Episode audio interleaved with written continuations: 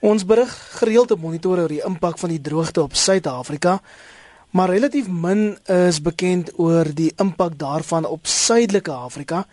Hoekom beskou jy dit as 'n humanitêre ramp? Dit gaan daaroor dat die oorgrootste meerderheid van mense in landelike gebiede in, in ons buurstate eintlik op tot ehm um, by by die Sahara maak hulle lewe uit landbou uit. En anders in Suid-Afrika waar ons 25% van ons stapelvoedsel onder uh, besproeiing verbou, dit is die seker 25% wat ons ten minste daarom nog het sou daar 'n droogte wees. Is daar nie besproeiing in die res van Afrika nie of baie min daarvan.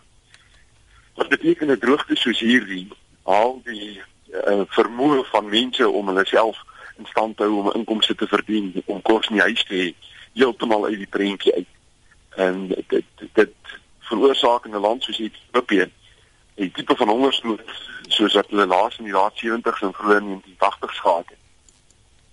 Die FSA het nou juis so van Ethiopië gepraat 97 miljoen dollar beskikbaar gestel spesifiek om Ethiopië se boere te help. As jy daai probleem daar moet beskryf, hoe groot is dit? Dit is enorm, Iwer. Dit is regtig enorm. Dit is dis skokkend om dit te beleef. Daar is nie en vir voedsel in die gebiede buite Addis Ababa en die ander groter stede nie. Dit gaan eenvoudig daaroor dat mense by die huis sit en daar is niks wat hulle kan doen om 'n inkomste te genereer nie of of om hulle vee te laat oorleef nie. En en en, en dan wil hulle migreer. Dan dan wil hulle oor grense begin gaan en so. Maar die res van die omgewing is net so droog. Die Botswana boere kreun Namibië het 'n enorme droogte. Die lands in Zimbabwe gaan dit beroer. Zambië se boere klaar dit. Dit dit is vir baie van hulle die einde van die pad. Veral in Zambië waar ons 'n baie goeie beleidsomgewing het vir produksie en waar daar lewensbespaar is waar boere ook hulle eie grond kan besit in in in die landboubokke. Waar waar hulle die eerste keer blootgestel is aan landbouskuld, aan produksieskuld boere sê dat daar's da, nou geen alternatiewe meer vir ons nie. Jy het so pas gepraat oor die Kariba dam. Die, die die groot ironie van daardie dam is dat hy soveel geleentheid vir besproeiing kon oopmaak, maar die belegging was nog nooit daar nie. Dit is nou hoofsaaklik Zimbabwese en Suid-Afrikaanse boere wat begin vestig het onder daardie dam en wat wil besproeiing ontwikkel daar. Baie van hulle het pas begin.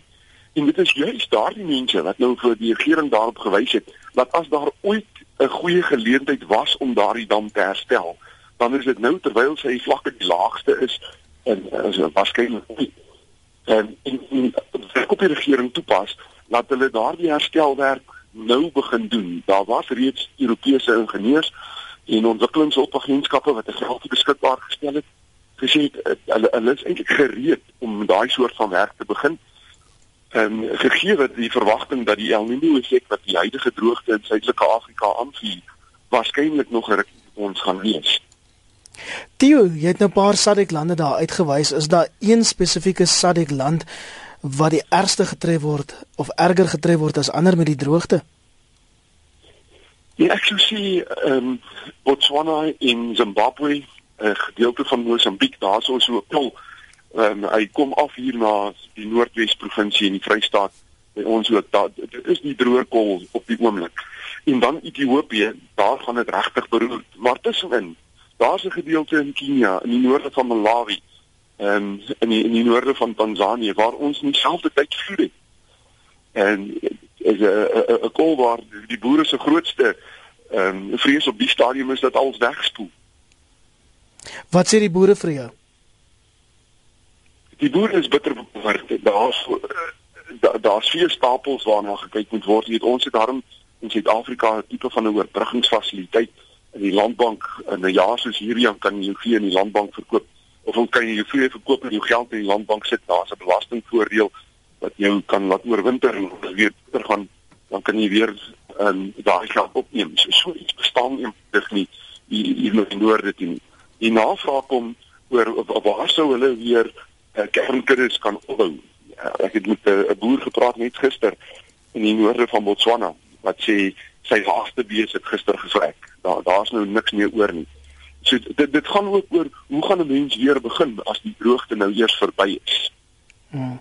Die ons weet hier in Suid-Afrika is daar verskeie inisiatiewe om ons boere te probeer help. Is daar genoeg geld en hulpbronne beskikbaar om die ander Afrika boere te help?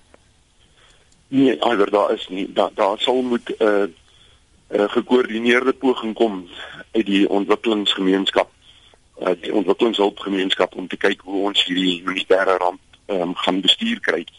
Uh Agri SA is deel van 'n proses op die oomblik wat ons koördineer in SADC in die suidelike konfederasie van ehm um, Afrika Landbouunies en um, wat boere koördineer tot bo in Tansanië en ook van Madagaskar af tot aan Walvis Bay. En wat, wat probeer om inligting in te win, die data te verwerk om vir die wêreld te wys presies wat is die omvang van hierdie krisis en dan te kyk of ons nie die ontwikkelingshulp wat waarvoor daar al reeds begroot is in die afgelope 2 jaar of ons dit nie meer geteken um, kan toepas om om seker te maak dat ons soveel as moontlik boere en veral kleiner skaal boere op hulle gronde kan hou nie en weer goed in die gang kan kry nie.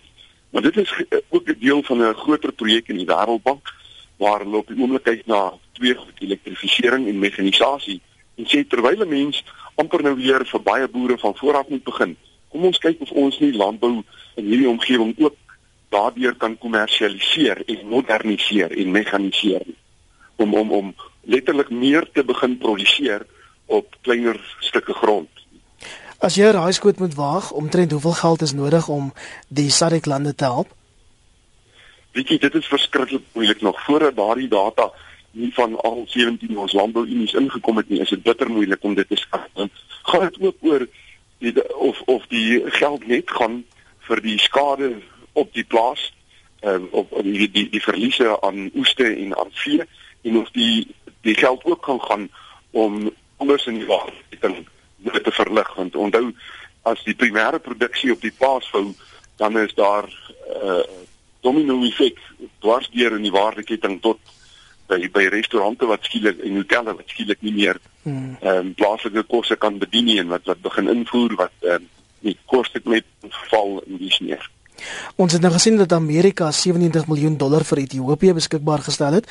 Weet jy van ander lande wat wil help of selfs die Verenigde Nasies? Ja, daar is heelwat ander inisiatiewe ook. Daar's IFAD, die um, International Fund for Agricultural Development wat 'n begroting beskikbaar gestel het. Ons het 'n groot gesprek daaroor in Rome van die 9de tot die 21ste Februarie. Daar's die Europese Unie wat ontwikkelingshulp uh, onderneem het en hulle is nog besig om presies hoe gaan dit gekoördineer word met ander uh, rolspelers in die, die ontwikkeling van die regering wat um, alreeds eintlik op 'n baie vroeë stadium begin kyk het na hoe getekende hulp kan plaasvind. En en en dan is daar natuurlik ook die gesprek wat nog uitstaande is by die Afrika Unie daar is daai tipe van befondsing beskikbaar maar dan dan moet die hoofde van state moet met 'n koherente ehm um, plan voor in dag kom. En nou word afgewerk aan so 'n koherente plan vir Suidelike Afrika.